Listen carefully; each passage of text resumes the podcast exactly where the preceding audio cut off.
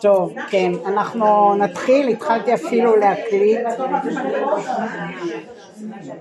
אה, הבאתי לכם פה, העמוד הראשון שאני אה, נוגעת בו. זה בערך חצי מההספד בירושלים של הרב קוק, אז תכתבו למעלה, מספד בירושלים, זה היה הספד על הרצל בשנת תרס"ב, לפני בעצם 121 שנה. אמ, ואני אמרתי פעם שעברה, אבל אני רוצה בכל אופן אה, לחזור. העמוד שמתחיל שני משיחים. רגע, שנייה, רגע. למה סוללה חדשה? אמ, כן, זה הספד של הרב קוק על הרצל. והוא מופיע גם באינטרנט, הוא מופיע במאמרי הרב, וכותבת המספד בירושלים, זה כן, ממש מושג שכל תלמידי משהו עכשיו, אני לא זוכרת אם אמרתי לכם פעם שעברה, שמצאתי פה בנספח את איגרות שהרב כתב, והוא כותב לחותנו האדרת, והוא ממש כמעט מתנצל על זה ש... ש... שהוא הספיר את הרב, לא היה דבר... את הרצל, סליחה, שהוא הספיד את הרצל. הוא מסביר לו, זה לא ממש התנצלות, אבל ממש הוא מרגיש צורך להצדיק, נקרא לזה, להצדיק את זה שהוא הספיד את הרצל. כי המציאות של היישוב הישן, וזה... הדברים האלה באמת גם עולים במספד עצמו. כאילו, למה הוא הספיד, ומה הוא ראה להספיד, ומה הוא ראה פה בתופעה של הרצל. והסיבה שהספר הזה יצא, זה יצא אחרי פטירתו של מניטור, אבל זה סיכום של שיעורים של מניטור, אה, זה שגם הניטור כשהוא נותן שיעור, שהוא מרגיש שזה מאוד אקטואלי. אז עכשיו נכון שגם הניטור, השיעורים האלה בטח היו לפני איזה 30 שנה, אבל אה, עדיין זה, כלומר, הדברים עוד לא התלבנו והם מתפוצצים עכשיו, ובדיוק הנושא הזה שעליו הוא מדבר גם כבר בהספד על הרצל, ואנחנו נלמד את זה. זה משהו שמאוד מתאים לקראת יום העצמאות, ובטח בימים המשוגעים האלה שאנחנו נמצאים בהם.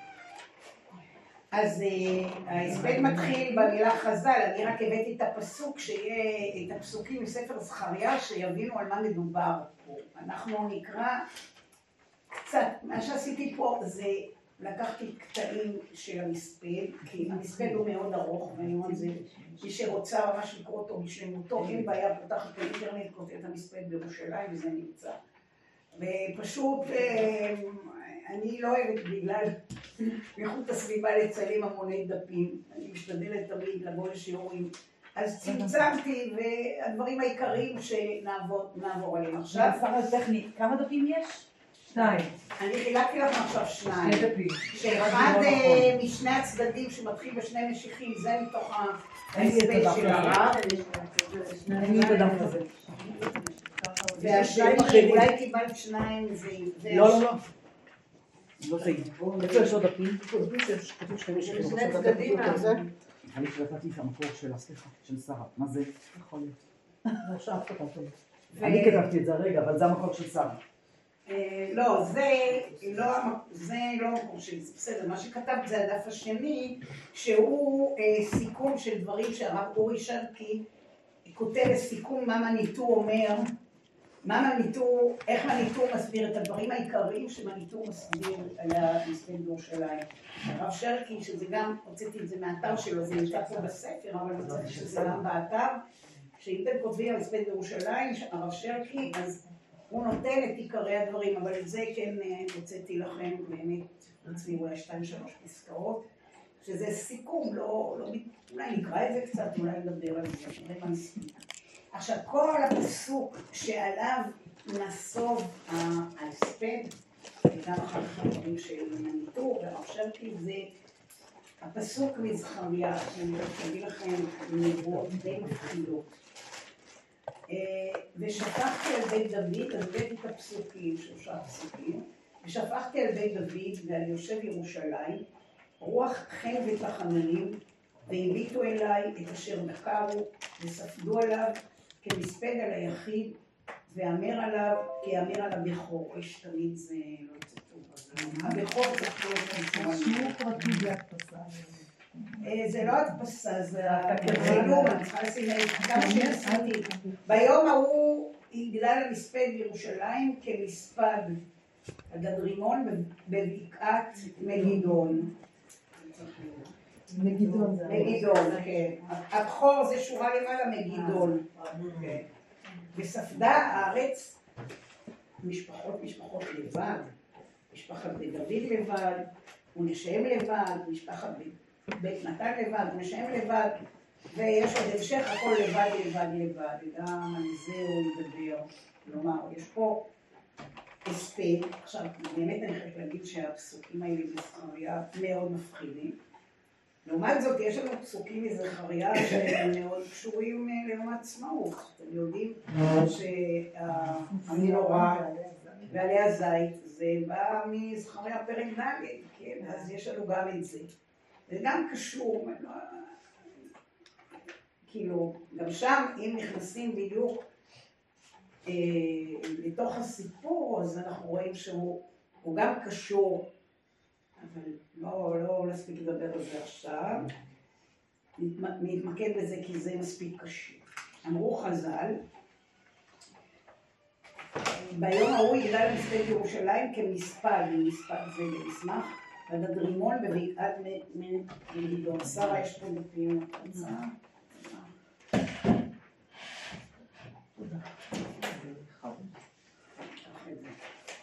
אמ, אז חז"ל אמרו שכשיונתן בן עוזיאל תרגם נביאים ונזדעזעה ארץ ישראל אה, ד' מאה, לא יודעת פרסה, זה תק פרסה על תק פרסה, משום דאית מילי דלה מפרשים, שאסור, כאילו, אסור לפרש. אה, כן, כלומר היה גישה שאסור לפרש את דברי הנביאים האלה. ועל זה אמר רב יוסף דאלמלא תרגומי לא ידע מה הוא. כלומר, יש פה איזה משהו נסתר בפסוק הזה בנביאים. והגמרא שואלת, בעצם השאלה העמוקה שהגמרא שואלת פה, למה אה, דווקא על דברי נביאים עושים עניין שמתרגמים? הרי אונקלס תרגם את התורה, ואף אחד לא אמר שזה לא בסדר. והארץ לא הזדעזעה כשתרגמו את התורה. אבל בנביאים, וכאילו גם מקובלים, בנביאים יש דברים נסתרים. ויש פה משהו נסתר בפסוק הזה, שיונתן בן עוזיאל תרגם, והארץ הזדעזעה ת"ק פרסה על ת"ק פרסה, ו... וזה לא היה פשוט. ואז עמד, ובעצם היה קטרוג גדול על יונתן בן עוזיאל, שהוא גילה את סתרי הקדוש ברוך הוא לבני אדם. ואמרו שעמד יונתן בן עוזיאל על רגליו ואמר, אני שגיליתי מסתריך לבני אדם, גלוי וידוע לפני מי שאמר, והיה עולם שלא לכבודי עשיתי, ולא לכבוד בית אבא, אלא שלא תרבה מחלוקת בישראל. אני, על פסוק יצא משובש, איך הוא תרגם? הוא תרגם את הפסוק הזה, ביום ההוא יגדל המספד בירושלים כמספד עדת רימון בבקעת מגידון, הוא תרגם את זה כמספד אחאב דקטל יתי הדד רימון, וכמספד יאשיהו דקטל יתי פרעה חבירה בבקעת מגידו. פתאום הוא מביא, יונתן, לתוך הסיפור הזה, זה נראה שזה מספד, כן, מה כתוב פה על היחיד? כמספד על היחיד, ואמיר עליו כאמיר על הבכור. מאיפה הבאת לפה שניים? הוא מדבר פה שזה בעצם, מה שיונתן בן עוזיאל מפרש לנו שזה, שיהיה מספד בירושלים, שהוא יהיה גדול כמו שני הספדים על שני מלכים שונים לגמרי. אחד אחאב מלך ישראל, והשני יאשיהו מלך יהודה. שזה נספר, כן, שרה. המשפט הזה מייחסים לרבן גמליאל. איזה משפט? שלא עשיתי את זה לכבוד. כן, בסדר, אבל זה אומרים את זה ליונתן בן...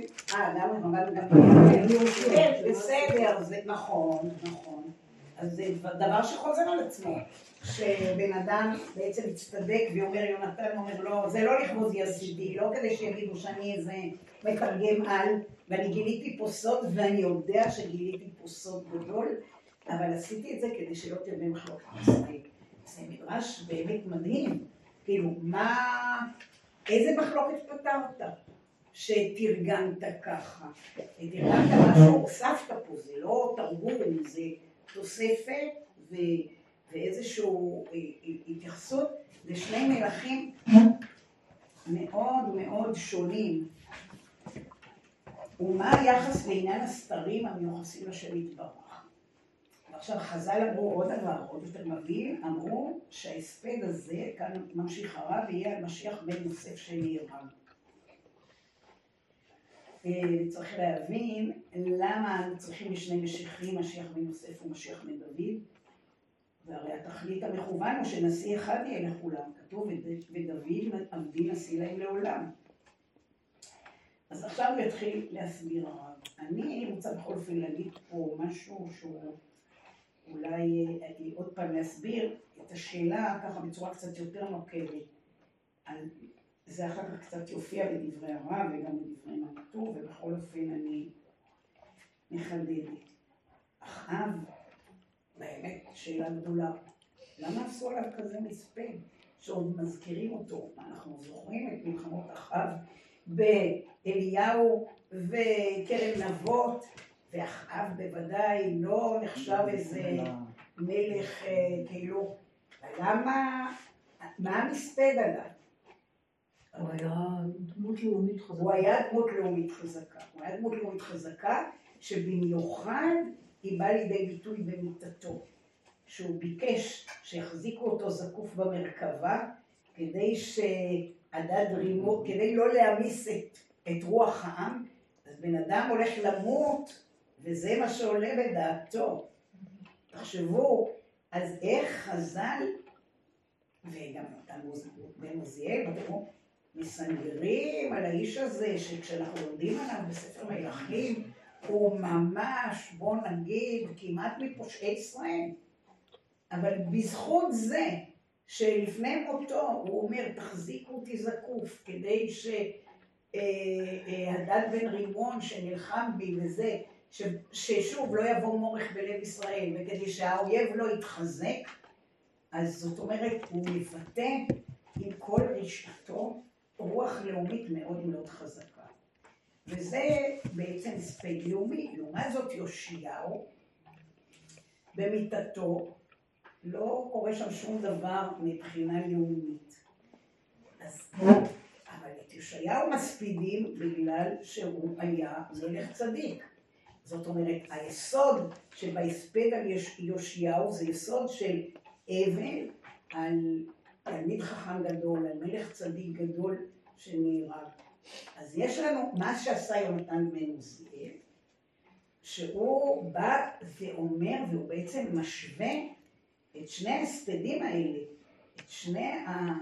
את שתי הגישות האלה, אחת הלאומית המאוד חזקה, למרות החטאים הדתיים העצומים, והשנייה את הדמות שהיא, מתבט... שהיא בעצם מתבטאת דווקא בצדקותה האישית.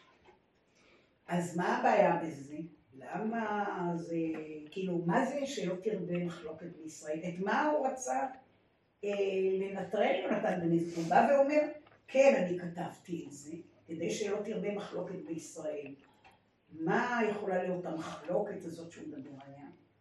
שבאמת, קודם כל המחלוקת היא באמת משני הצדדים, שכאלה שחושבים שאין שום ערך לצד הדתי, יש זה גם היום, ורק הצד הלאומי, ורק הצד הלאומי, ובוא נגיד, יש כאלה שחושבים ההפך, וגם אותם אנחנו רואים עד ימינו אלה, בוודאי שבזמן הרב, כשהוא הספיד את הרצל, אז הציבור שלו, כל היישוב שם, הרצל היה ביניהם לגמרי פושע ישראל. ואז, ואז, אז מבחינתם אין שום ערך לצד הלאומי. עכשיו,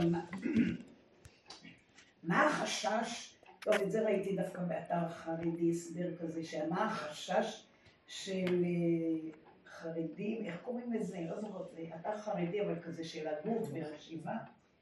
אה, צריך עיון או... וצריך- צריך עיון? כן, כן. זה אתר נפלא. נכון, מאוד מעניין. וגם נשים כותבות. אפילו, כן. אז, אה, אז הוא אומר ש... אה, אה, הוא אומר שמה ש... מה החשש של יונתן בן עוזיאל? באמת שאנשים יבואו לחשוב שהצד הלאומי נגיד גובר, שיש פה איזה... כאילו הוא לא רצה בעצם לתת כוח, כלומר זה שלא פירשו את זה לפני יונתן בן עוזיאל, וגם צריך לזכור שאחרי החורבן לא רצו כל כך לתת כוח לצד הלאומי של עם ישראל. גם את אה, בר כוכבא ואת כל... בואו נגיד, חז"ל לא התלהבו, חוץ מכן היה רבי עקיבא, ואז אמרו לה, וויכוחים, ובוודאי שאפילו כשקוראים את אגדות החורבן ורואים איך התייחסו לרבן יוחנן בן זכאי במקור של מדרשי החורבן, שהוא מיד אחרי החורבן, ושרבן יוחנן בן זכאי מוצג שם כמעט כבוגד. אני אומרת כמעט, זה יותר מכמעט. אה, ולעומת מקור יותר מאוחר, של כמה מאות שנים אחרי זה, שזה מוצג בצורה לגמרי. יש שלושה מקורות ורואים את ההתרככות ואיך אה, רבן יוחנן בן זכאי בסוף, דווקא הוא נתפס כגיבור לעומת הקנאים. למרות שגם הוא עצמו לא היה גם הוא. עצמו אמר, נכון, נכון. אבל אני אומרת, זה מופיע ככה כי אפשר להבין שבזמן שישראל בגלות, אז אין עניין לעודד, כשהגלות עוד נראית מאוד מאוד אה, בעיצומה, אז יש פחד אפילו לעודד את הכוחות האלה. היו מרידות. היו מרידות, אבל יש פחד, כי בוא נגיד, גם מרד בר כוכבא, הוא הסתיים בצורה. קטסטרופלית. כן, בעצם אז יצאו לגלות הנוראה. אז, אז גם בחז"ל אנחנו רואים אה, את התקופות האלה. אז, אז בתקופה כזאת, אז בכל זאת יונתן בן עוזיאל, כי אולי הוא חזה את העתיד, שבסוף, כן, שמאבק הזהותי הזה כל הזמן, וכדי שלא ירבו מחלוקות בישראל, וכדי שלא יחשבו שאין מקום בכלל, אה, זה החרדי אומר לצד הלאומי, אפשר גם להגיד ההפך, כדי שלא יחשבו, למרות ששוב, מי יקרא את יונתן בן עוזיאל? אנשים ש... שהסיכוי היותר גדול שהם יהיו בצד היותר חרדי פה בתפיסה. אחרים לא- לא קוראים את יונתן בן עוזיאל. אני לא באיזה זוכרת, תקופה הוא באמת, חי? אני לא זוכרת, אני תסתכלו, לא לא בדקתי את זה בחבל. לא בדקתי. לא זוכרת פעם ידעתי. אבל אתם יכולים ברב גוגל למצוא את זה מיד. אז אה, נחזור עכשיו לרב קוק, אחרי שהבנו מה אה, מה יונתן בן עוזיאל מגלה. טענה בדור הראשון. אה, כן, הוא ממש מהראשונים שם. כן, שזה באמת סמוך גם. סמוך. חשיבה, זה באמת כאילו, הכל עוד מאוד בוער, ו- ו- ואם כועסים עליו, כאילו, מה עכשיו אתה מעורר? אז הוא אומר, אבל אני חייב להגיד גם את הדבר הזה. אז בואו נמשיך ברב קוק, אה, כן, במספד, בעמוד הזה. אומנם כשם שיצר השם יתברך באדם, הגוף והנשמה, אני קוראת בעמוד של שני כן, משיחים. כן, שורה שלישית בפסקה השלישית, השנייה אחרי הפסוקים. אמנם כשם שיצר השם יתברך באדם הגוף והנשמה, ולעומתם הכוחות הנוטים להחזיק קיום הגוף על מכונו לשכללו ולפתחו. כמו שיש גוף ונשמה, הרי באמת יכולנו לשאול את עצמנו למה צריך גוף? כל זה רק עניין נשמתי, אז אה, למה בכלל הקדוש ברוך הוא ברא גוף? אז כמובן שיש גישה שהגוף נברא כדי להכניע אותו, אבל זה לא גישת הרב. או להרחיב את הנשמה. אבל אחר, זה הפוך. מה? הוא הכלי של הנשמה. כן, אבל- הוא הכלי. לא המטרה. בחסידות אפילו הכלי לפעמים מקבל ערך יותר גבוה מאשר האור. עצמו. אה, אה, אז זה נמצא לפעמים באמת באיזשהו עימות.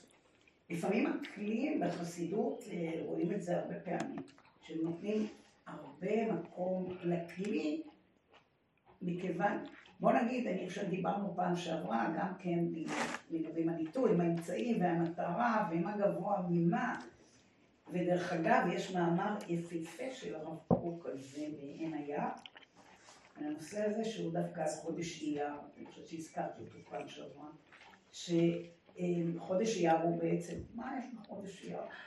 זה, זה מעבר בין פסח, מה קרה בפסח, בין מעבר בין מה שקרה לשבועות, ואז הרב קוק שואל בעין היה על השאלה בכלל אם חודש אייר היה חסר או מלא בשנה הזאת ש, של קבלת התורה, שזה משנה לגבי התאריך של שבועות.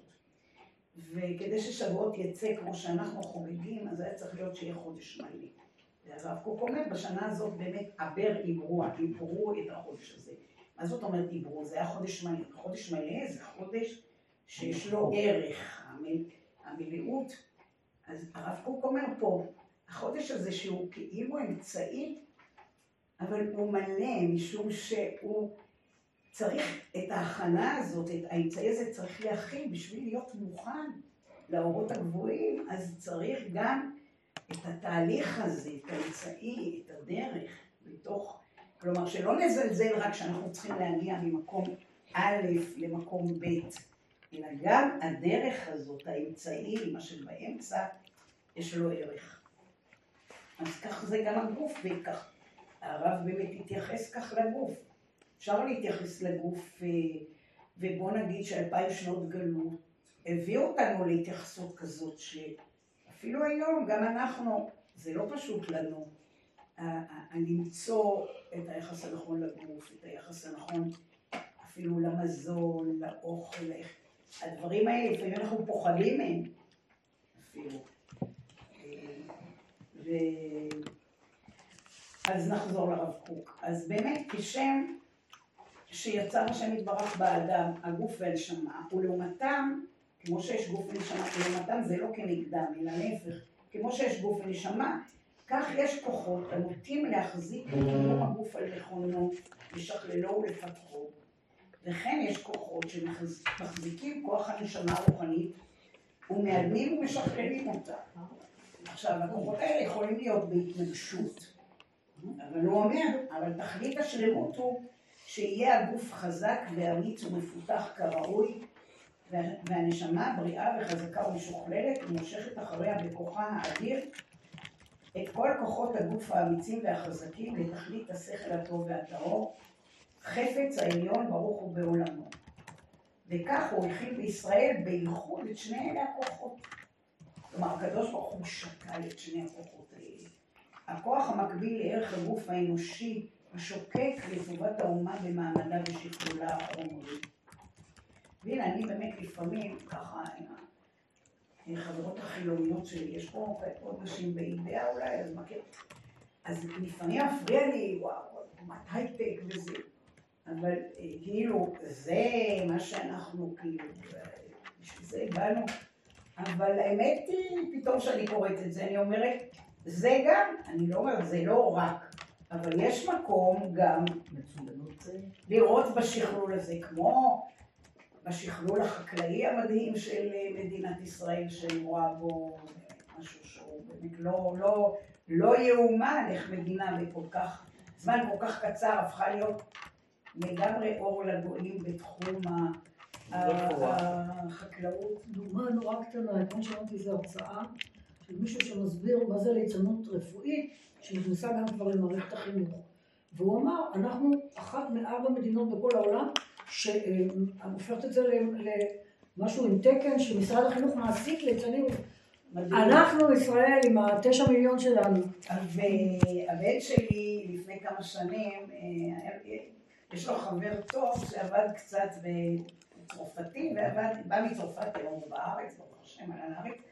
אבל אה, הוא אה, אה, עבד בקונסוליה הצרפתית, אז הם עשו שם, ביום העצמאות שלנו, הם השגרירים הזה, הם עושים מסיבה, והחבר הזה הזמין את, את הבן שלי, את יאיר, והוא אמר שיראו שם סרט, והצרפתים הם לא בדיוק אוהבי ישראל, או ישראל, אבל הם הראו סרט שהראה איך ישראל הצילה את העולם בנושא המים. שהטפטפות, שה- שהטפטפות זה ממש הצלת העולם ב- חיסכון מטורף במים. מדינות שכונות, זה לא יאומן, הנה, מדינת ישראל הקטנטנה הזאת, שלא רק לעצמה, אלא באמת שכלול כל העולם. כן, זה דברים שחשוב אה, לקראת יום העצמאות לחדד אותם, אה, אז אני לא סתם מזכירה את זה, כי אני רוצה לדעת את זה. מיני תחומים. מה? בכל מיני בכל. מיני, זה בלי סוף, ברוך השם. אבל גם הדברים האלה, שאני אומרת באמת, שאני לא יודעת אם בעולם החרדי בכלל יודעים אותם, מסתכלים עליהם או מחשיבים אותם, אבל בתפיסת הרב קוק, כן, אז גם ההייטק וכל ההמצאות האלה וכל הדברים האלה, יש להם ערך. כי הכל בכל, בכל דבר טבוע ברוך הוא. נכון, אבל, אבל הולכים ישראל ביחד, שני הכוחות, כלומר, הקדוש ברוך הוא, כמו, ש, כמו שהוא עשה גוף ונשמה, כך אומר הרב קוק, אז הוא גם הכין את שני הכוחות האלה, שהם חייבים להיות. אה, הנה, הכוח המקביל לערך הגוף האנושי, זה הכוח השוקק לטובת האומה במעמדה ושכלולה החומרי. שהוא הבסיס הנכון לכל התוכניות הגדולות והקדושות שישראל מצוינים בהן. להיות עם קדוש להשם אלוקי ישראל ולהיות גוי אחד בארץ לאור הגויים. הנה נזכרת בהייטק, אז סיפרתי לכם שבוע שעבר שהייתי בשבת ברמת הגולן והופיע בפנינו על זה. אחד אה, שהוא היה טייס במלחמת יום הכיפורים, חזר בתשובה חב"דניק היום, וזה, אבל מה הוא עושה? הוא כנראה מאוד מוכשר וזה. הוא מפתח תוכניות אינטרנט, מפתח תוכנות כדי, אה, לא יודעת, הוא הסביר זה היה מסובך, אבל בגדול זה הפצת תורה. אה, הוא, הוא קרא לזה, הוא אמר, אמרתי שאני לא כל כך הבנתי, כי היה שבת, הוא לא יכול כל כך להסביר, הוא ביקש ממני שנתקשר אליו, אבל הוא אמר שיש היום המון מידע בעולם, והתוכנה שהוא פיתח זה תוכנה של ניהול המידע. אבל שהוא משתמש בה בעיקר, זאת אומרת, לא בעיקר, הוא משתמש בה, למה הוא מוכר אותה בשביל להרוויח גם לחברות מסוגים שונים, אבל השימוש שלו זה באמת בשביל הפצת הידע התורני. אז גם הדברים האלה, כאילו כל בסוף הטכנולוגיה עוזרת בסוף הטכנולוגיה, כלומר אם אתה לוקח אותה לכיוון הנכון, אז הפיתוח והשכלול החומרי הזה, אה, להיות עם קדוש להשם אלוקי ישראל, להיות גוי אחד בארץ לאור הגויים. אז זה כוח אחד שהקדוש ברוך הוא נטע בנו, ואנחנו כל כך רואים באמת את התגשמותו בימים אלה, שאני לא יודעת אם היה עוד תקופה בתולדות ישראל שהיה בה אה, בצורה, אבל כנראה היה, כי זה היה מלכות ישראל ואפרים, שבתקופתם הם ביטאו באמת את, ה, את השכלול החומרי הזה. אצל אחאב היו בלי סוף מרכבות, אצל אחאב, ממש כן. מעצמה. נכון, מעצמה. היא כנראה הייתה... כן. גם בימי שלמה, שעוד הממלכה המאוחדת לפני שקרה הכל, ואחר כך זה התפצל, באמת התפצל. כי יהודה היו מאוד מדולדלים מבחינת, אה, מבחינה טכנולוגית ו- וכלכלית. אה, ואנחנו באמת, אה, גם בכל מה שלמדנו, שנים מבית ספר יסודי, מלכות ישראל החטא, מלכות יהודה יותר... אבל אנחנו, כן, בתפילת ראש השנה אפילו אנחנו מזכירים את הפסוק מירמיהו, הבן יכיר לי אפרים. ילד שעשועים, כי מידי דברי בו. זכור אזכרנו עוד, על כן המור מאין לו, רחם רחמנו. אז זה הכוח הזה, הכוח הזה, האפריימי הזה, שהקדוש ברוך הוא אפילו מתרפק עליו, הבן יכיר לי. וכמה שזה נזנח באמת. ו- והרב קוק פה באומץ גדול מחזיר את הנושא הזה לשיח, לבמה. אה,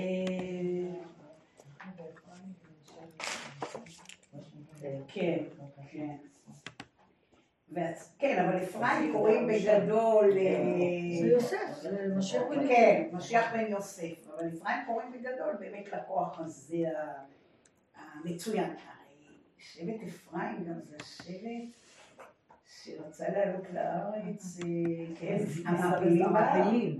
המעפילים בארץ נקראים שהם ניסו ולא הצליחו, אבל גם שם, אני- חושבת שזה דווקא רצה לו הכהן ליהודים, שהכוח הזה, אבל אה, שלהם ללכת ולפרוץ במסירות נפש, והם נפלו ונאמרו, הרי בני אפרים, רומי קשת, בתהילים, אנחנו אומרים, כן, אה, הם נהרגו, אבל הכוח הזה שלהם, הוא הפיח כוח אחר כך בכלל, אולי עד ימינו. כך אומר אה, רב צדוק הכהן, הוא לא היה בימינו, אבל הוא גם כן העז לדבר, אני מתארת לעצמי, שגם הרב, אנחנו כמה זמן אנחנו מכירים את רב צדוק הכהן מיהודים, נגיד הציבור שלנו, אני שמעתי עליו פעם ראשונה, הייתה הפתעה גדולה, בדיוק על הנושא שאנחנו נבעה, מהרב חנן קורן, זכר צדיק לברכה, שדיבר בכיוונים, אני זוכר בדיוק איפה הוא בא ונתן שיחה, פעם ראשונה שמעתי, היום זה הרבה יותר מוכר. אבל הרב קוק בוודאי הכיר אותו, וכל הדברים האלה מתלכדים במשנתו של הרב קוק. אז הוא אומר, והצד השני, עצם הכוח ושחרור הרוחניות בעצמה. וההבדל שביניהם, שלצד הראשון יש דוגמה בין כל עמי הארץ לישראל.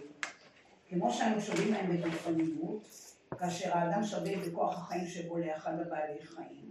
זאת אומרת, בצד הזה אנחנו דומים לכל העמים, כלומר, הכוח הזה הוא גם כוח שניתן לעמים אחרים.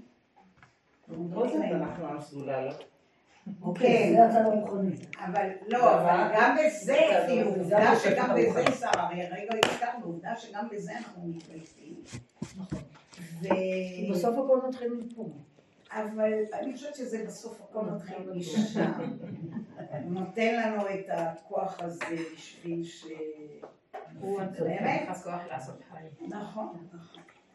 וזה אולי מה אבל. השוויון הזה שיש לנו בצד הזה עם העמים, הוא גם בעוכרינו לפעמים. כי אם אתם תראו, באמת, אה. כל הייטקיסטים שנוסעים לחוץ הניידים, הניידים. הניידים, בדיוק, הניידים. אז, אז הכוח הזה הוא... הוא... כי שם חסרה הרוח בעצם, אה, במקומות האלה. אני לא אומרת להגיד שחסרה הרוח, אבל יש פה איזשהו משהו שהוא גם פוגע, כי אתה יותר מדי מתחבר עם כל הזה, ואתה... אה, אה, איך כוחי אמר לי פעם מישהו, זה חברים שלי, שאת הלבנים שלהם הם קונים בניו יורק, כאילו, אתה כל הזמן הקו, לא ועל עוצם הקו, ידי. ואתה- אז אתה... אז אתה מושפע, אתה מושפע. אבל ההשפעה הזאת כבר הייתה מזמן, כאילו מאחת קום המדינה. מלפני, כן, זה נכון, נכון. והצד השני הוא העניין המתייחד לישראל מצד תורת השם, השם בדד ינחנו והגויים לא יתחשב, שעל זה נאמר כן, השם בדד ינחנו והגויים לא יתחשב, וזאת הקדושה, תורת השם הקדושה העליונה, והקדושה העליונה מיוחדת לישראל עם קדוש. ועל ידי קיבוץ בית הכוחות ביחד, היו שניהם מתעלים. הנה הפסוקים.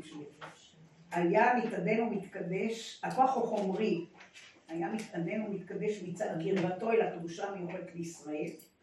הנה, והכוח הרוחני, תודה, היה מתאמץ ומתחזק בכוח חיים מלא ואדיר כדי לגלות הודו ותפארתו על ישראל. עד שקרני הודו היו מאירים גם כן על העולם כולה, כמו שיהיה לעתיד לבוא, והיה שורש סליחה. שרומם לנס עמים, אליו גויים ידרושו והייתה מנוחתו כבוד. וזה כל כך מה שקורה היום, באמת, כי אנחנו מסתכלים פה על, ה, על המהומות וזה, אבל אנ- אנשים מספרים לפעמים שהם נוסעים, אני יודעת לך, ישראל, חסו לאינדונזיה. אנשים שומעים שזה מישראל, כאילו, וואו, כל המקומות עוברים לתוך אחר כך שאומרים להם מה גודל המדינה, אז הם אומרים, אתם בטוחים? כן. כמו שכונה באיזה עיר בסין. נכון, אני שמעתי פעם פרופסור שראיינו אותו מהודו, והוא לא האמין, אז היו שישה, שישה. אז אומר, אני הסתכלתי בחדשות בעולם אני רואה שקלקטה שאני מגיעה ממנה, כמה היא מופיעה? כן, 13 מיליון איש, כמה היא מופיעה בחדשות, זאת מדינת ישראל, כל, כל העיתונות מלאה, מה זה, לא יכול להיות הדבר הזה, ממש לא ימין. אה, אז זה אומר שלא תהיה מלחמה בין שני כוחות מתנגדים, זה צריך להיות, והיה מנוחתו כבוד, כי מנוחה שלמה, שהוא הכבוד היותר עליון לנישא. אמנם עוונותינו הטו אלה שנתחלקה מלכות בן דוד, וכל אחד מן הכוחות השונים שהיו ראויים להתאחד דווקא, התחילו להתפתח, מה זה? כאילו אין דבר, אין לו לכל צד עם משנהו, ומזה יצא בפני עצמם. בפני עצמם, נכון. ומזה יצא מה שיצא להפסד כללי, להפסד כללי בשני העניינים בעוונותינו הרבים. כן, אז את זה אנחנו יודעים, וידוע גם המדרש הזה שתפסו הקדוש ברוך הוא לירובעם וביתו ואמר לו בוא נלך לטייל בגן עדן, אני ואתה ובן ישי, ואז הוא שאל אותו מי בראש, ואני חושבת שהשאלה הזאת היא כן כל כך אה, אה, עומדת היום לפתחנו אה, בצורה הכי מחודדת שרק אפשר לומר. מי בראש, כן. ואני רוצה לדלג עכשיו לעמוד השני, שזה, לדף השני, לא לעמוד השני. לדף השני, אלה פה זה נקודות, גם תכתבו בכותרת, זה נקודות אה, בהקדמה של הרב שרקי לשיעורים של, אה, בספר הזה, לשיעורים של מניטו על המספד בירושלים. אז פה הרב שרקי בעצם מסכם קצת את פגישת מניטו. ומבחינתו הוא טוען שמניטו ראה פה דברים ש... טוב, תכף נראה, נקרא את זה. איזה צד של הדף? כשמתחיל הרב קוק זצ"ל. הרב קוק זצ"ל. מזדקק במאמרו למושגים הידועים אצל חכמי ישראל. משיח בן יוסף או משיח בן דוד. על מנת לבאר את מהותה של... זה הדף השני שמתחיל בהרב קוק זצ"ל. אה, יש לה מלא דפים שם, תקחי אחד אחד. אה, מצאת את זה? לא, לא, זה לי בדף הזה, אתה זה רוצה הדף לך? שנתת לי. זה הדף שנתתי לך קודם.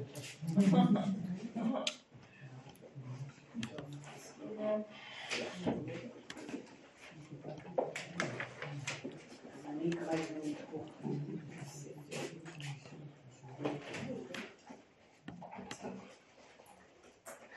שנייה, איך זה מתחיל?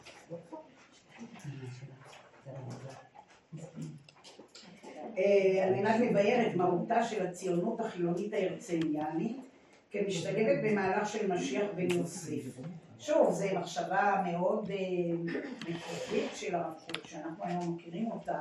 אחר כך נמצאו לה גם בכל התור אה, שמיוחס לתלמידו של הגר"א, רבי הלל משקלוב, אבל ראיתי כבר שיש הרבה השגות אם זה אותנטי, לא אותנטי, אבל אנחנו למדנו את זה הרבה, ששם הוא מדבר על משיח, בן יוסף, הוא אפילו אה, מציין שנה, את ת"ר, שזה היה 1840, שבאמת התחוללו דברים, כן, בעליית אה, אה, תלמידי הגר"א, אז טוב, אולי בגלל זה הם עלו גם בשנה הזאת, שזה היה נחשב היו כאלה 809.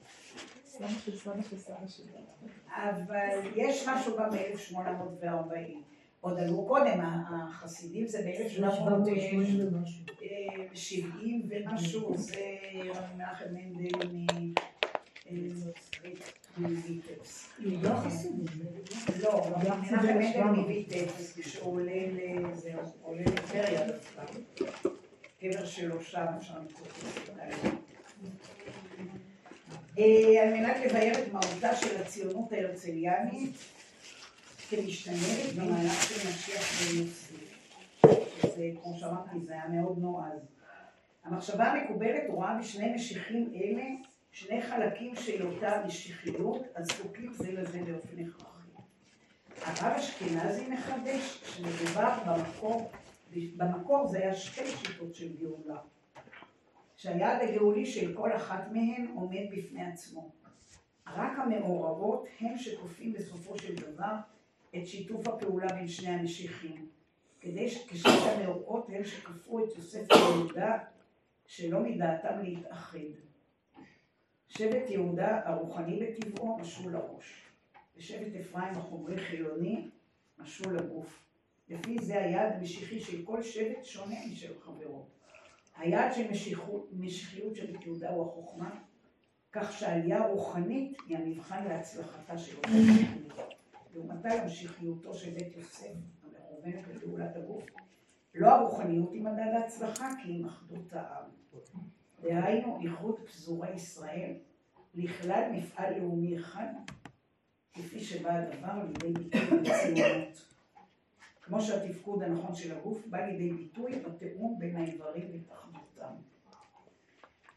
אז כל התרומה הזאת באמת של, ה, של הציונות, שהרב קוק הזדקק, יש לו גם בתעודת ישראל ולאומיותו, שהוא שואל, קרה שהציונות, נגיד בגדול, נכון שהיו בעלייה הראשונה, וגם בעליות שאנחנו מזכירים, עליית תלמידי הגר"א, עליית אה, החסידים, אז הייתה תנועה רוחנית, אבל היא לא הגיעה לכלל אה, התפתחות עצומה כזאת של היישוב, והרב עוד כותב אה, בהתחלת המאה העשרים, לפני, הרבה לפני שקמה מדינת ישראל, וכבר הוא רואה את ההתעצמות שיש פה תופעה שהיא תופעה אחרת, כן? שדווקא הציונות ההרצליאנית, החילונית, המדינית, היא יוצרת פה משהו. והוא תולה את זה באמת ב, ב, ב, בעניין הזה של לאחד לכלל מפעל לאומי אחד, שבכלל בגדול אנחנו זה באמת ניס, ולא... קשה להבין איך הדבר הזה הצליח לצאת לפועל. מה? חמסה, חמסה. תראי, קודם כל הוא יצא לפועל, מה יהיה היום?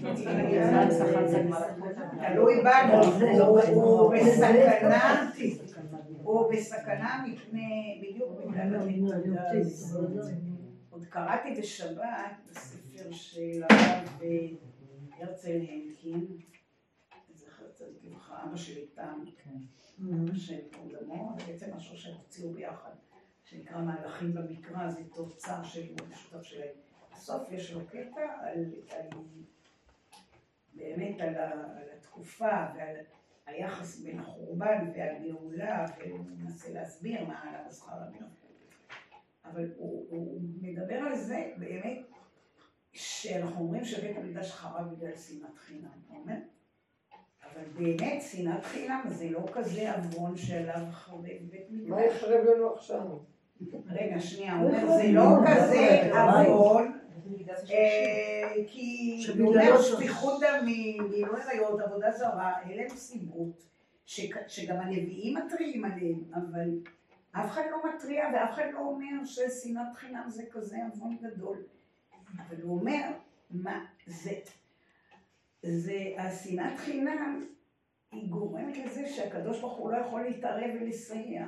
שיש לך עם, רומאים, עולים, אז אם אנחנו מאוחדים, אז, אז יש לנו את הכלי הזה, שדרכו יכול הקדוש ברוך הוא לסייע לנו לנצח. אבל אם אנחנו נלחמים בתוכנו, אז, אז אומר, זה לא שהשנאת חינם היא החטא שבגללו זה קרה, אבל החטא הזה גרם, כי הוא אומר, בסך הכל בבית שני הרי למדו תורה, אנשים ברמה הרוחנית היו ברמה גבוהה. למדו תורה בכל מקום, והיופי לא דומך, כל מיני דברים, הכל בסדר. אבל אם הייתה ביניהם שנאה, אז בדיוק הגוף הזה שכאן הוא באמת תולה בו בגוף לא רק את ההתפתחות, אלא גם את האחדות, כן? הגוף הרי זה מכונה מדהימה, שיש בה ידיים, רגליים, עיניים, אוזניים, אבל היא פועלת כ... כל דבר הוא בפני עצמו, אבל היא פועלת כאורגניזם אחד.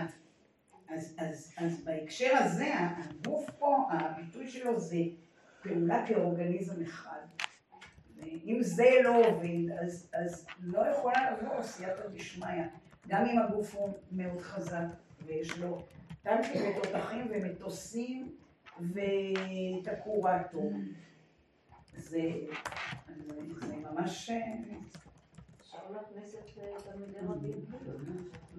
ברור, אני חושבת פעם שעברה הזכרת, כן, ברור, תקופת העומר, תלמידי רבי עקיבא בפרשת שבוע, שכתבתי שחני ביקשה, אז הבאתי שם באמת גם מניטור, כן, נכון. אה, כן, בדיוק, בגלל זה, שוב, לא היה הסתייעות שמרד בר כוכבא יצליח, כשאנשים התחילו לזלזל כל אחד בר כוכבא הוא הצליח, זוכרות ששמעתי פעם שיחה של הרבי בהתחלה. שהיה בר דרומה, שהיה חזק מאוד, והיה מטיל, כאילו כשהרומאים היו שולחים בנסתרות, הוא היה יכול לתפוס את האבן ולזרוק אותה בחזרה. אבל למה הוא לא נחשב בתור המנהיג של אמריקה? כי היתרון באמת של בר כוכבא שהוא הצליח לאחד. הוא הצליח לאחד, ובאמת, מה, כולם, אפילו אמרו לו, עד מתי אתה מטיל מומים, שאנשים היו מוכנים לחתוך את ה... הוא. אה, נכון. אז, אז אה, עכשיו זה קצת מצער, כי אם אנחנו חושבים, אבל איפה נפל הקלקול?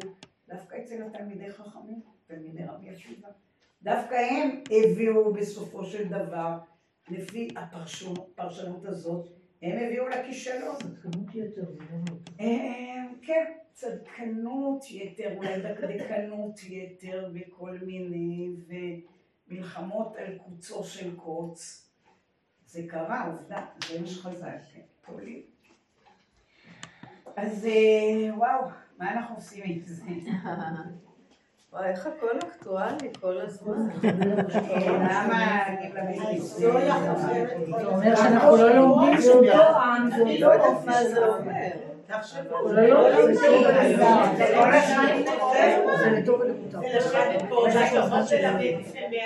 זה מן הרמה. תראי, הנאום הזה של הרפורמה זה לפני 120 שנה. אבל בסדר, נכון? וזה הכל חוזר וגם בעיקר בתקופת העומר. דיברנו, זה תקופה בדיוק בין פסח ושבועות, זה הדרך. שמניטו אומר עליה, זה מה שכתבתי עכשיו, שהדרך זה המקום הכי מסוכן. איפה קוראים לבן אדם כל מיני דברים? בדרך, אנחנו בתחילת הדרך. אנחנו בדרך, ולכן זה, זו תקופה באמת מסוכנת. כל כך הרבה אסונות קרו בדרך. רק בתקופה שאנחנו חיים, שאנחנו חווים אותם יום יום. נכון, נכון. לא צריך לפתוח את ההיסטוריה. חיה אותה. אז מה, לא ישתנה כלום? ככה זה יהיה. חבר'ה, מה אנחנו נגיד? בעזרת השם אנחנו בתקופה של אותו אה, עם, אותו. עם, זה אותו. אז כן, זה לא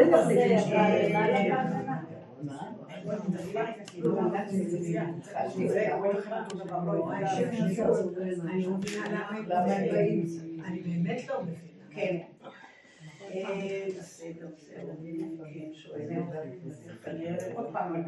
על יסוד זה יש להבין את פרשנותו הייחודית של הרב אשכנזי להלכה שמלכי בית דוד דנים ודנים אותם, אבל מלכי ישראל לא דנים ולא דנים אותם.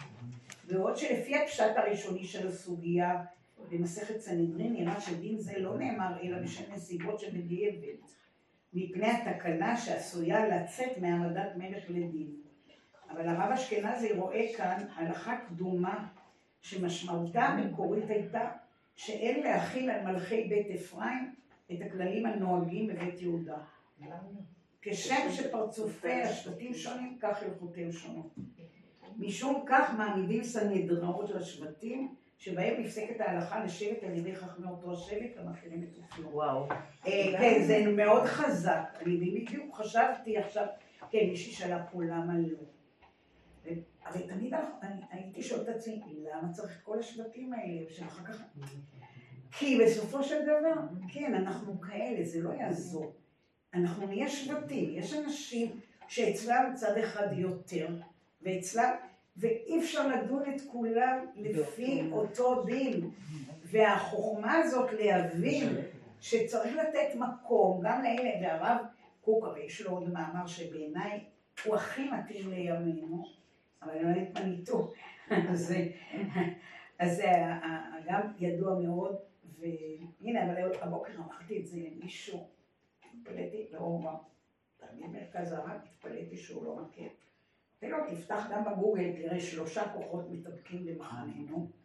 והרב קוק מדבר שם על זה שיש שלושה כוחות, אחד התורני, האורתודוקסי, כן, התורה, הקדושה, קורא, השני זה אה, הלאומי, והשלישי זה, הוא קורא לו האנושי, אבל זה האוניברסלי, זכויות אדם, ההומני, כבר- אז, זה מדהים, אבל הוא אומר, אם כל כוח הולך עם הקצה שלו עד הסוף, אז יהיה כל הזמן התנגשות.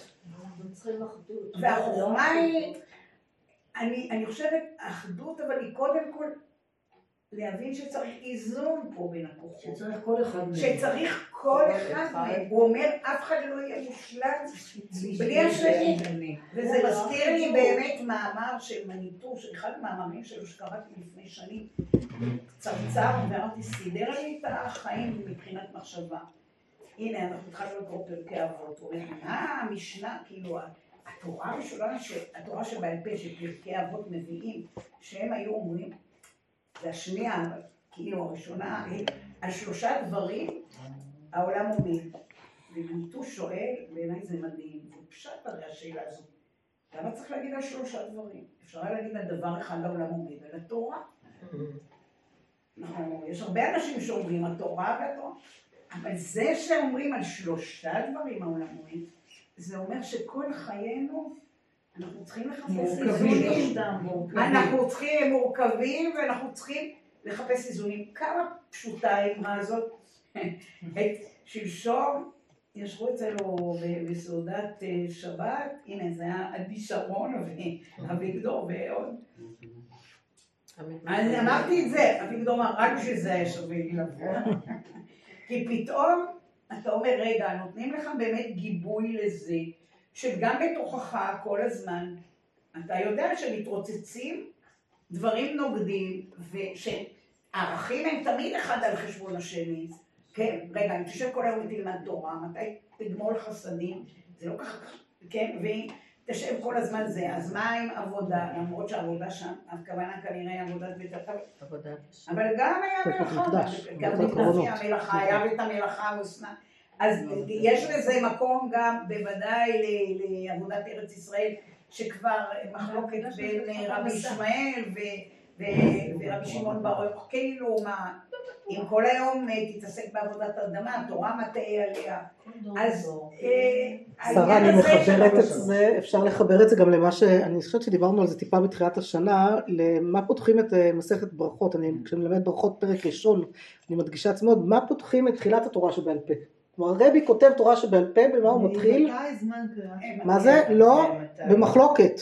רבי אליעזר אומר עד כאן, כן. חכמים אומרים עד כאן, רבן גמליאל אומר עד כאן, ישר מתחיל במחלוקת, רגע אתה עושה לנו סדר, אתה פותח במחלוקת, איך נעשה סדר ככה? נכון, שתדעו שיש כמה דעות בעולם, תמיד. יש דעות, יהודי אחד, דעות ו- שונות. אבל ב- בעניין הזה בעצם הוא אומר זה התנגשות ערכים. יש כל הזמן התנגשות ערכים, ואנחנו לא יכולים להגיד התורה, אנחנו נצטרך כל הזמן למצוא באמת את האיזונים, וזה גם מופיע באמת במאמר של הרב קוק, שגם מדבר על שלושה, שלושה כוחות. תשמעי שאני מייצרת כלים, והמספר הכי מועט שעושה משהו יציב זה של שלושה. כן? עשרים, לא שלוש. לא שתיים, נכון, לא שתיים.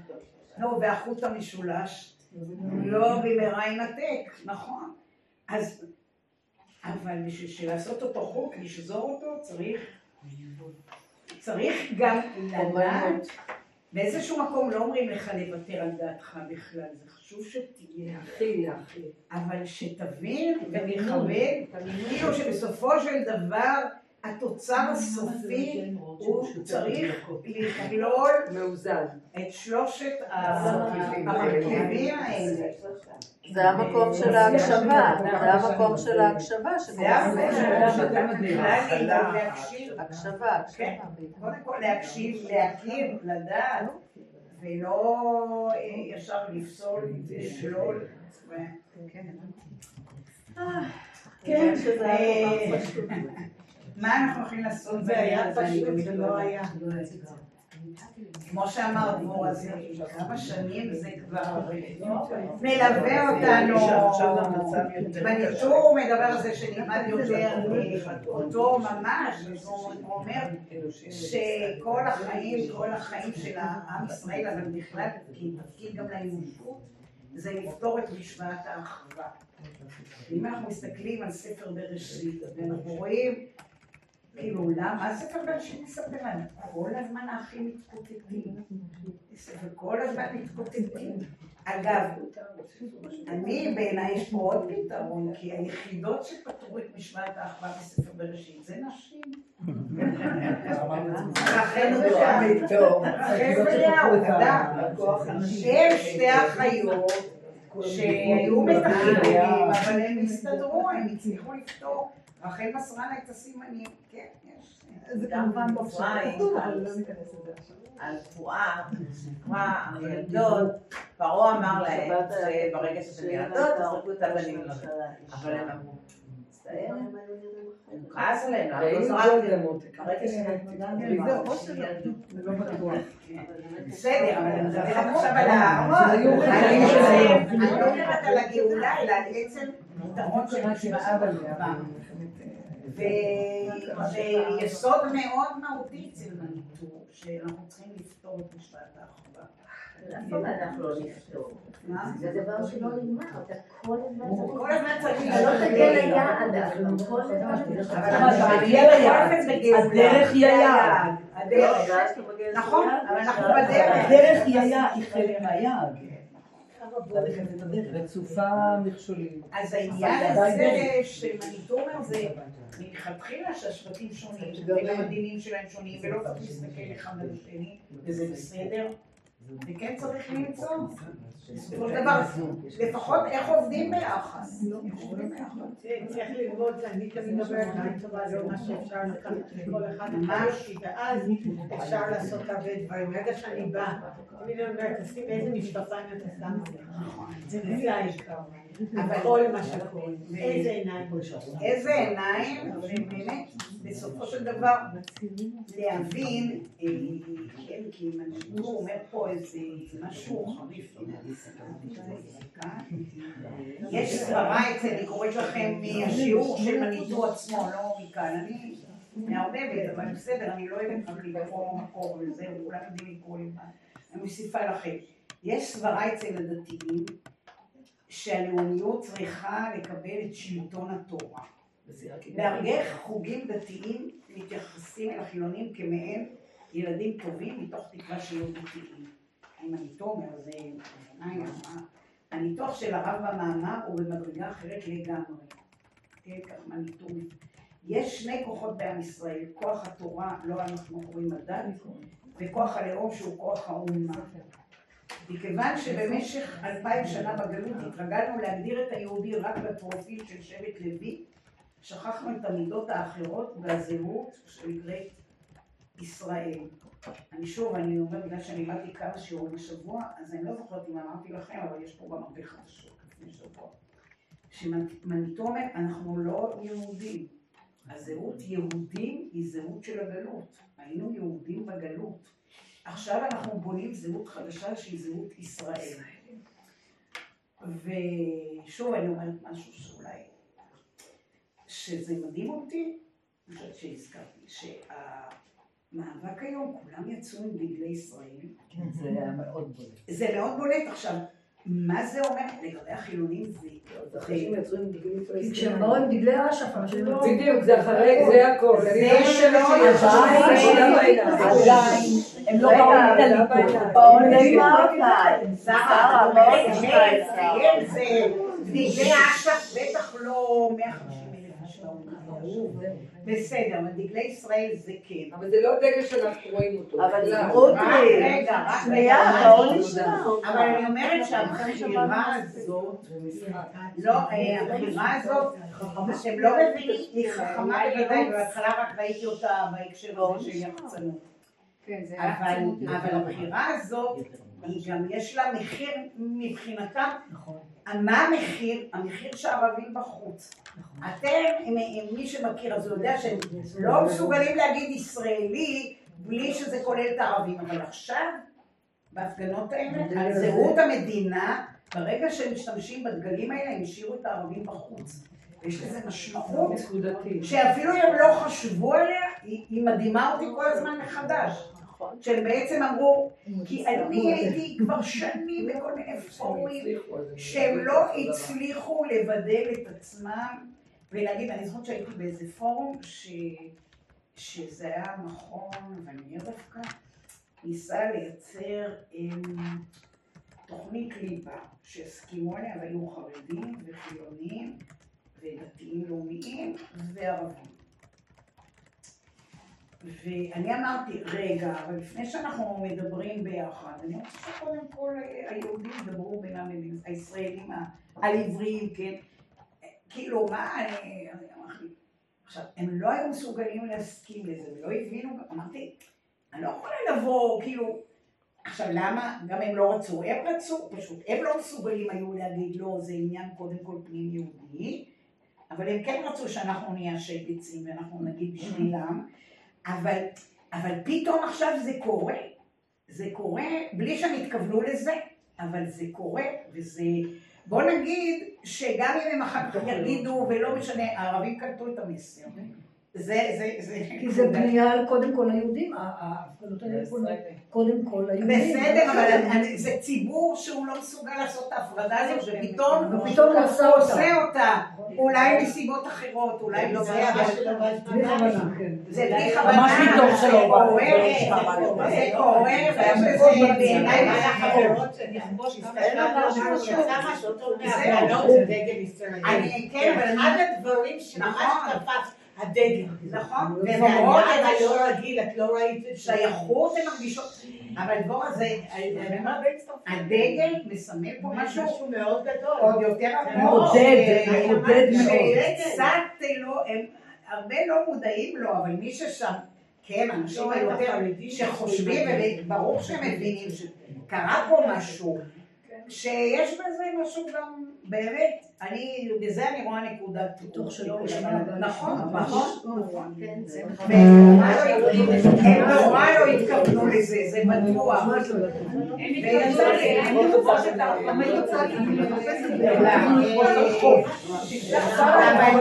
מה שמניטו אומר פה, מה שמניטו אומר פה, זה מאוד מהפכני בשבילי. ועד סיפור של דתיים, שכל החילונים יהיו דתיים. אי אפשר לדרוש מרב שיהיה ראש ממשלה, כשם שאי אפשר לדרוש מראש ממשלה להיות רב. הפתרון, הוא אומר, הבעיות של עם ישראל בימינו אינו תלוי בבחירת ראש ממשלה דתי, את זה ראינו. על ראש הממשלה להיות ראש ממשלה, ובאופן פרטי, מכיוון שהוא יהודי, הוא יכול להיות גם דתי. אבל שזה לא יהיה משהו... זה לא הראשון. זה לא הנקודה, כאילו הוא נותן מקום לחילוניות כחילוניות, ושלא נחשוב שהתפקיד שלנו עכשיו להחזיר את כולם בתשובה ורק אז אני מאמינה שזה יקרה באיזשהו אופן, אבל זה לא, בטח לא יהיה, בוא נגיד, בטח לא יהיה בכפייה, בטח לא יהיה בכפייה, זה רק עושה אנטי. באמת זה, זה פרשנות ייחודית של מניטו, שהוא רואה בשבטים האלה, גם שבטי אפרים, הם לא היו צדיקים גדולים, הם גם עבדו עבודה זרה וכל זה. שרה, לא הייתי בשיעור הראשון, מתי מניטו דיבר? מניטו הוא נפטר לפני 25 שנה. יש הקלטה, שרה. אני שמעתי את ההקלטה. ההקלטה לפני 25 שנה. של השיעור שלנו. השיעור הספציפי הזה, זה היה סדרת שיעורים, אני לא יודעת בדיוק מתי, אבל אני אומרת, הרב שרקי דווקא, הספר הזה יצא גם כבר לפני די הרבה זמן, אבל זה לא כל כך השתנה המצב. מתי זה יצא? זה יצא ב-2006. הספר נקרא מספד למשיח, שהוא ספר שמביא... הספר הזה נקרא מספד למשיח, זה הספר, זה הספר שכתב בעצם אה, כתבו כמה שהם איגדו את אה, השיעורים של מניטו על המספד בירושלים, ויש פה מבוא של הרב אורי שרקי, שמזה... אה, אה, עכשיו אנחנו לומדים את המספד של, של הרב קוק עצמו. יש פה. בדף הראשון זה הרב קוק עצמו. הדף הראשון שלמעלה כתבו אה, שני משיחים, זה הרב קוק עצמו. אה. הדף השני.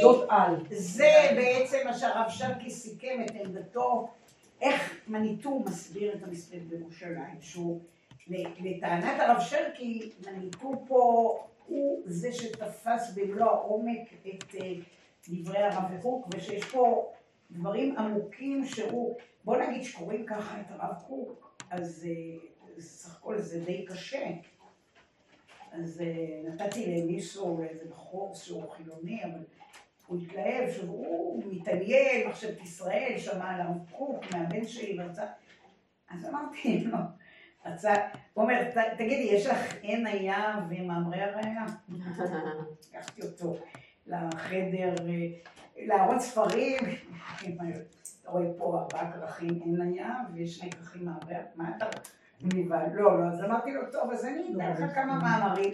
אמרתי לו, תקרא מספד ירושלים. לא הבין כלום. זה קשה, "זה זה קשה. קשה." אתה כן, צריך לדעת מושג מושגים, שיש לו תואר שני. במחשבת ישראל, אבל בסדר. באמת? קשה. צריך לדעת תנ"ך. כן, צריך לדעת יותר תנ"ך, אבל גם את המהות של ה... זה שפה, זה מושגים, זה עולם שלם, זה אי אפשר, אי אפשר. לא, אבל על אבל אפילו המספד בירושלים הוא קשה גם לאנשים שמכירים. אוקיי, בתנ"ך. כן, אבל, אבל זה לא הבעיה פה התנ"ך, הבעיה פה זה מושגי עומק שכל כך...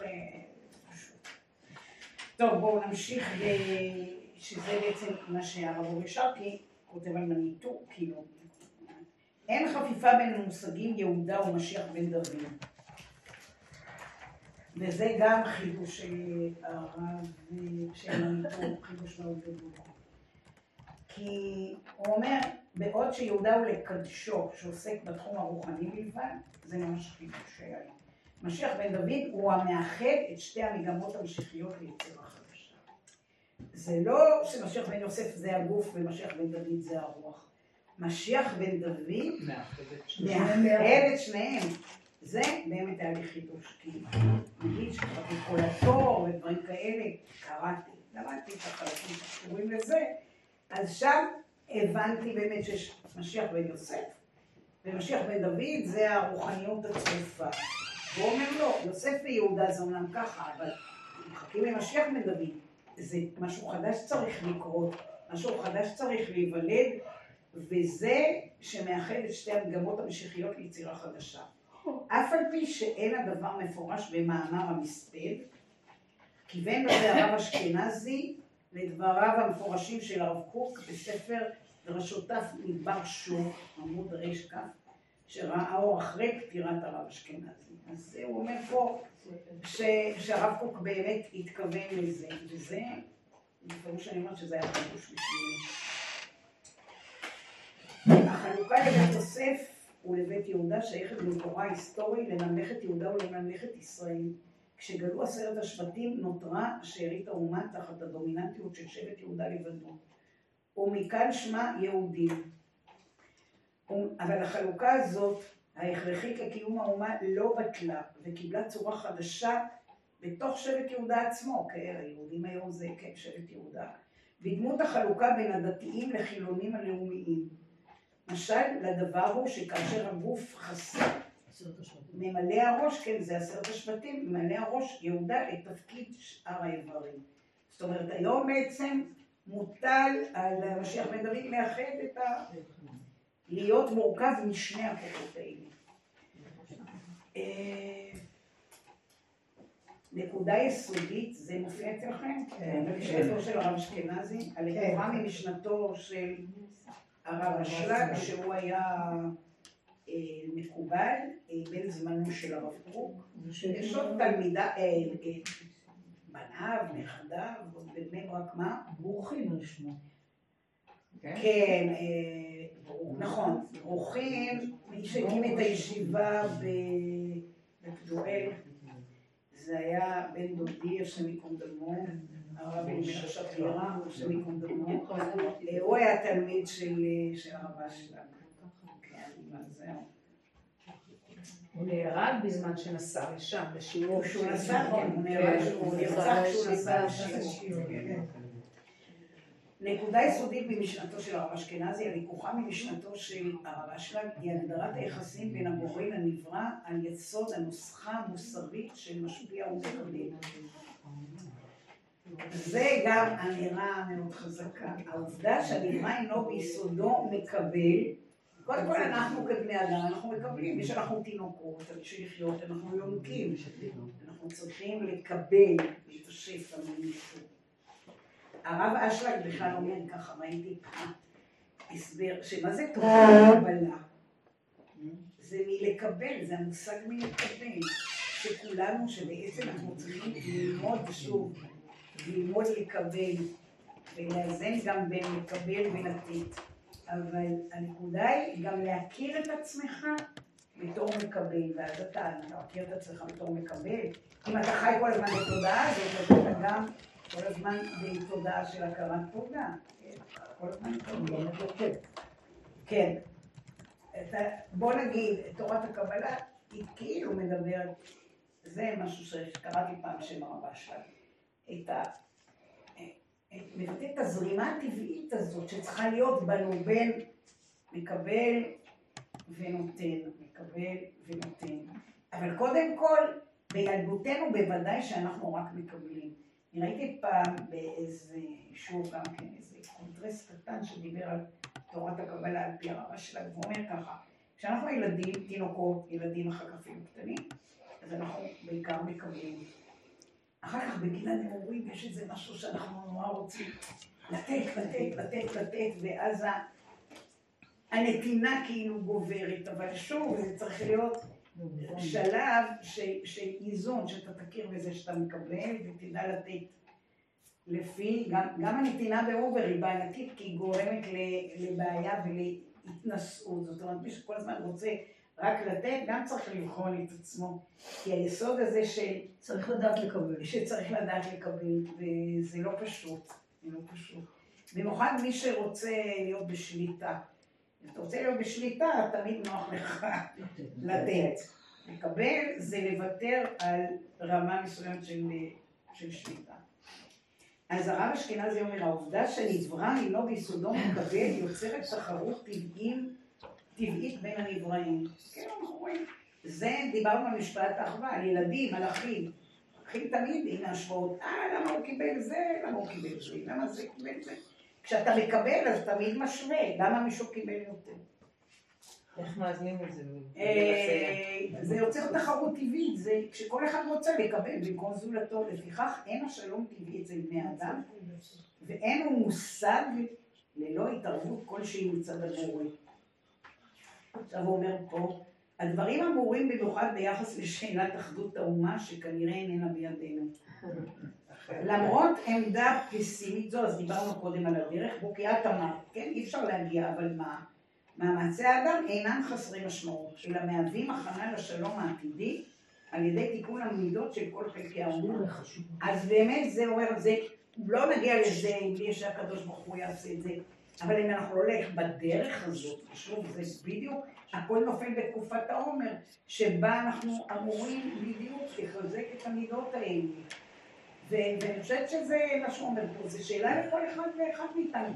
מה אנחנו עושים בימים אלה בשביל מדינה?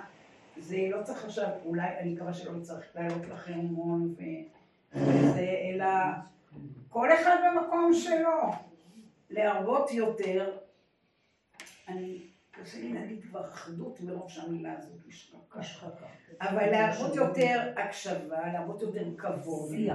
תלמידי רבי עקיבא אמרו שהם לא נהגו כבוד זה לזה. ואני אני באמת מרגישה הרבה פעמים, כן, כן, נמצאת בהרבה קבוצות דיאלוג ומנחה, שהמפתח של לכבד אחד את העמדה של השני, גם אם לא להסכים לה, זה מפתח מאוד מאוד חזק. וזה מנטרל המון סטריאוטיפים ונוגדנים וזה מוריד את מפלס ה... זה גילינו עכשיו מה קורה עם מה השמאל, זה שהוא לא יודע? לכבד. מה? השבר הגדול הוא שהשמאל שגילינו שהוא לא יודע לכבד. נכון, אבל אם את אומרת... זה השבר הגדול. השמאל לא ללכת עליהם. אנחנו? אנחנו תמיד עובדים על עצמנו, על עצמנו, על עצמנו, אנחנו כל הזמן. אבל גם גילינו, העמדה הזאת, רותי לא כל הזמן יותר מדי. העמדה הזאת... אנחנו היא- כל הזמן עובדים על עצמנו, שנים לימדו אותנו להסתכל, אבל פתאום אתה מגלה שהצ'חצ'חים, לא נעים להגיד, אה, זה הפכו להיות הפרופסורים, והאנשים הכי רציניים וגדולים בשמאל. וזה שבר עצום, כשלא יודעים לתת כבוד, שדופקים על השולחן בתוך הכנסת ולא נותנים לשני לדבר, ומי הם? אנשים מכובדים. זה בשבילי השבר הכי הכי גדול, באמת. כן, שלא האמנתי שהם לא אותנו, חשבנו. שאנחנו הבעייתיים. אבל רותי, זה קרה קודם גם בצד השני. אז אני אומרת. תמיד, לא נכון, נכון, שרה, תמיד אף פעם לא חשבתי, ברמה לא, לא, לא, את צודקת. שרה, חשבתי שזה בביתנו. ועל זה עבדתי, את צודקת. חשבתי שהשמאל הוא, אה, הוא, הוא לא, מואר. ואינטליגנטי לא, ולא אבל ידפוק על השולחן, כן, אל תגידי לא, לא פרופסורים, לא רופאים, לא טייסים, חשבתי שהם במקום אחר, לא, ואני, את שואלת כאלו אשליות. נכון, כן, אבל אם נכון, השיגעון זה הגדול... השבר. שלי. אבל אה, אם אנחנו רואים את השבר שלנו רק בזה שגילינו שהאחר הוא לא בסדר, לא, לא, אנחנו תמיד, אני לא לא הפוך, שרה, ש- במ- אנחנו לא, לא, את יותר לא מדי מבינה, שאנחנו לא בסדר. במקביל לזה שאנחנו לא, יודעים אבל- שאנחנו לא בסדר, לפחות אצלי, ככה גיליתי את השמאל, כי הייתי בטוחה שרק אנחנו, לא, אני... ההפך, עלינו רק, אני רק כל הזמן אבל- הצבעתי עלינו, שאנחנו צריכים להיות אני נשים. חושבת שבכלל רחמנים. מקור- הבעיה היא היא לא מקור, אבל אחת הבעיות היא כשאנחנו אומרים השמאל וה... זה וה... כי... כי זה... כי יש שם אנשים שונים ופרצופים שונים. ולא כל אחד... אני רואה אלפים באותו דרך בדיוק, אלפים שיוצאים לרחובות. אה, יש אלפים, רותי, לא אלפים. מה לעשות? ועדיין לא מיליון. אפילו מאות עוד. יהיה מאות מיליונים, הכל בסדר. אני שם, אני בעזרת השם מתאושש. אני חושבת ש... שאת רואה שבעצם גולת הכותרת אם תדברי, תבואי השם, לזה. שזה תמונת מראה למה שהם מרגישים. עכשיו, אני לא אה, מצדיקה את זה, אני חושבת שהם מפונקים. זאת, את ממש מקלה עליהם. כולם מפונקים? כן, אבל כן. רותי, זו תחזקי בסדר, אותה. לא, לא אני מכבדת. אני אומרת שהיא מקלה, דעתה על מה, אבל אסור לי להגיד? הם מקלה איתה. לא, אני אומרת שאם? תקשיבי, תבואי ותקשיבי, תדברי עם אלה שאת קוראת להם ה... ותראי, לכבד אותם זה לשמוע מה כואב להם, לא להסכים איתם, לא להבין, זה בעיניי לכבד. אבל אה, שרה, אני באמת אני אומרת, בכל אופן, אנשים שסיפרתי את לא את פעם שעברה, מה שהרב סבטו והרב אייזנטל מדברים אה, על מלחמת יום הכיפורים, מתארים איך המפקד טנק שלהם, שהיה, אה, הגדיר את עצמו כאתאיסט, ככה הם באים, אה, באים לשטח, כל אחד ממקום אחר, מחפשים טנק אחד כזה, הם אומרים, טוב, נעשה צוות. שרה במלחמה אין אתאיסטים. כמו כוח מניה. והוא התעקש להגיד גם במלחמה שהוא אתאיסט. הוא לא הסכים, רק בסוף באיזשהו מקום הוא אומר לו, סבתו, תתפלל. אז הוא אומר, אני לא יודע להתפלל. אה, הוא אומר, "אני לא, לא אני אתפלל, תתפלל אתה. אומר, אני לא יודע להתפלל, אני זה. אז בסוף הם אמרו ביחד, אבל זה היה בשלב של רגע, והוא אמר, הילדים שלו אפילו לא האמינו שזה קרה. והוא אמר, אנא השם הושיענה, אבל לא מדבר על זה. מדבר על הקטע שבו הוא היה אתאיסט, כן, והם בלילה הראשון, הם נמצאים בשטח, ויש להם מ-12 עד 4 בלילה לא הייתה מלחמה, מ-12 עד 4, הם צריכים אה, אה, לשמור. אז הוא אומר להם, אני מבוגר, כאילו, אני אשמור ראשון, ואחר כך... טוב, הם אה, הולכים לישון, וארבע בבוקר הם מתעוררים, הם אומרים, מה, שברנו שמירה? לא, הוא לא יראה אותם. עכשיו, עכשיו, מה זה במלחמה? כן, במלחמה האנשים האלה, הרב קוק גם כתב את המאמר על במותינו חללים, במלחמה. האנשים האלה מסרו את נפשם, באו מלונדון, מאמריקה, מאני לא יודעת מאיפה, עלו על מטוסים ובאו, אה, באו אחאבים כאלה, תגיד, אחאבים כאלה, באו להציג את מדינת ישראל. אז יש מקום להקשיב, אפילו שאת קוראת להם השמאל, בתוכם יש כאלה, ואני לא מצדיקה שום סרבנות, כלום מה שהם עושים. איפה קרה במשך כל התקופה הזאת? רגע, רגע. בית קברות מחר, שכולנו, אני במתח מטורף. איפה קרה מתחילת קום המדינה? לפני שנה, שהורים שכולים צרחו על בנט. אבל לא היה קודם, אז זה היה אה, בהפתעה. אבל היום הם לא, זה לא מפחידים, הם זה מפחידים הם אותנו אמרו בצורה קודם, מטורפת. הם אמרו קודם, וזה קרה לפני שנה, וזה היה מאוד מצער, ואז זה לא ככה היה, שרה ממש לא טוב. אז בואו נעשה לא ככה. אנחנו יותר בסדר. לא אמרתי, זה ממש לא, זה לא כמו. אלה שעומדים אנחנו. מתייסרים זה כל לא- הזמן. זה לא אותו דבר. לא. בסדר, בואו נתנחם שזה לא אותו דבר. אבל זה- יש דברים שהם עברו קו אדום אני בצורה חושבת שהם עברו, מטורפת. זה בכלל ויכוח לא, אני חושבת שהם עברו קו אדום וזה בכלל לא נושא עכשיו. הנושא הוא איך, עם הידיעה הזאת שהם עברו קו קו אדום, את רוצה עכשיו, אז להילחם איתם, בואו נעשה לא, שני עמים, לא. יהודה וישראל. עכשיו, אם לא, אז תחשבי איך לא. והאיך לא, זה לקחת מישהו כזה, ולשאול אותו, ולהקשיב לו, זה לא אומר שתסכים איתו. אבל לקחת מישהו ולשאול אותו, הם מוכנים, הם מוכנים. מה? הם לא שם, הם לא שם, הם לא שם. תעשי כל מה רוצה. לא שם. טוב, בסדר. לא, לא, שם. עשינו את זה שנים, בסוף לו סיימנו. בסדר, אז נעשה שתי מדינות. לא, אבל אנחנו... לא, השפה צריכה להשתנות, לא... את לא יכולה הכלים של פעם ולהשתמש בהם היום. אי אפשר. אני אני מביאה לכם מה מניטו, מה אני מסיקה ממנו. את יכולה להסיק דברים אחרים, ואין עכשיו מקום להתווכח ולשכנע. אני מדברת, אני באמת מביאה, אני מביאה את מניטו ואני אומרת, אני אני יודעת שאפשר להגיד אי אפשר ואני בטוחה שאמרו את זה גם בבית שני וגם תלמידי רבי עקיבא וכולם היו משוכנעים שהם צודקים, ברור שהם היו משוכנעים שהם צודקים. וזהו, כן. אז מה לעשות? אה, אה, זה לא... אבל הרב אשכנזי מוסיף שתיקון המידות לא מאבד את העיקר.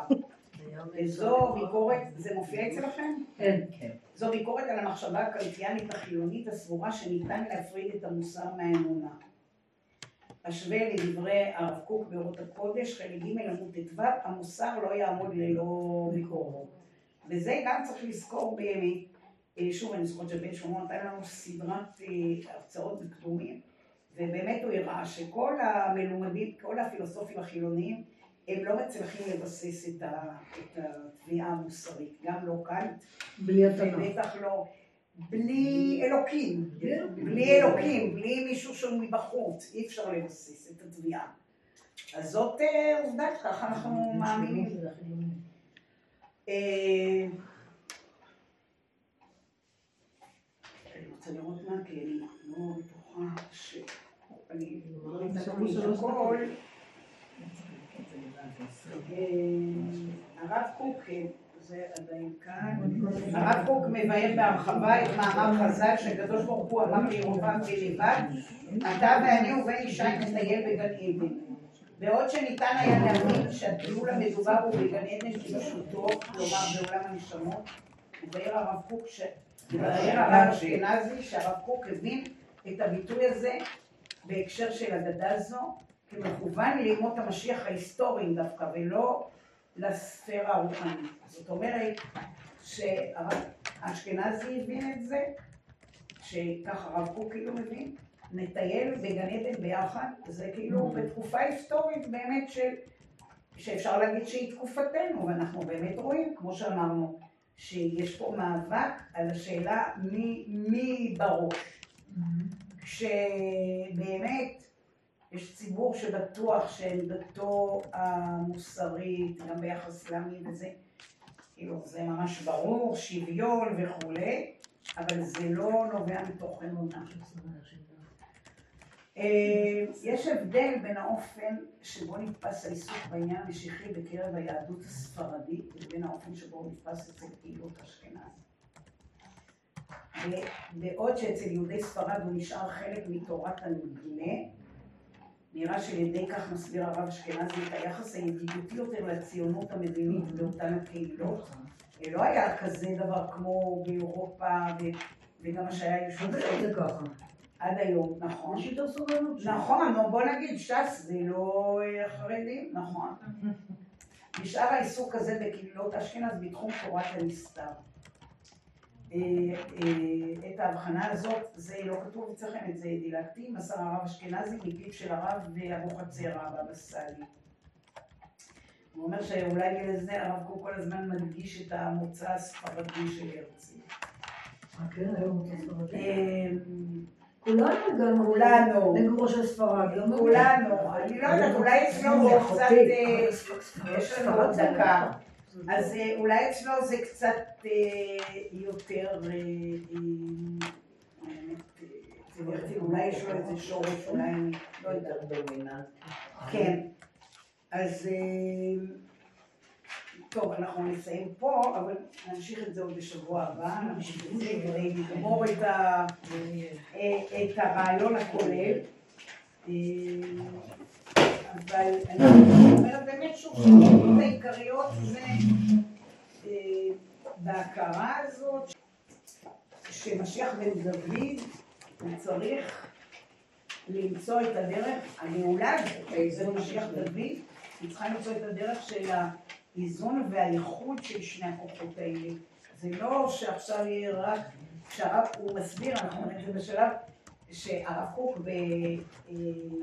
באחד מהפסקאות שלו בארות הקודש, אז הוא אומר, מקובלים אנחנו שמרידה רוחנית תהיה בארץ ישראל, והוא אומר שזה יהיה מרידה של הרוח נגד החומר, וזה לא חיובי. כלומר, לא להתמרד נגד החומר, צריך למצוא את הדרך של, של, ה, של היחד. תודה רבה.